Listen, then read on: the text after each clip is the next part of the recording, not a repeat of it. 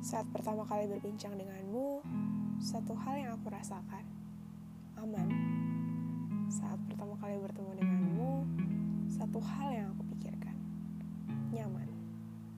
Namun, aku tahu, di saat aku berada di momen itu, aku harus merelakan.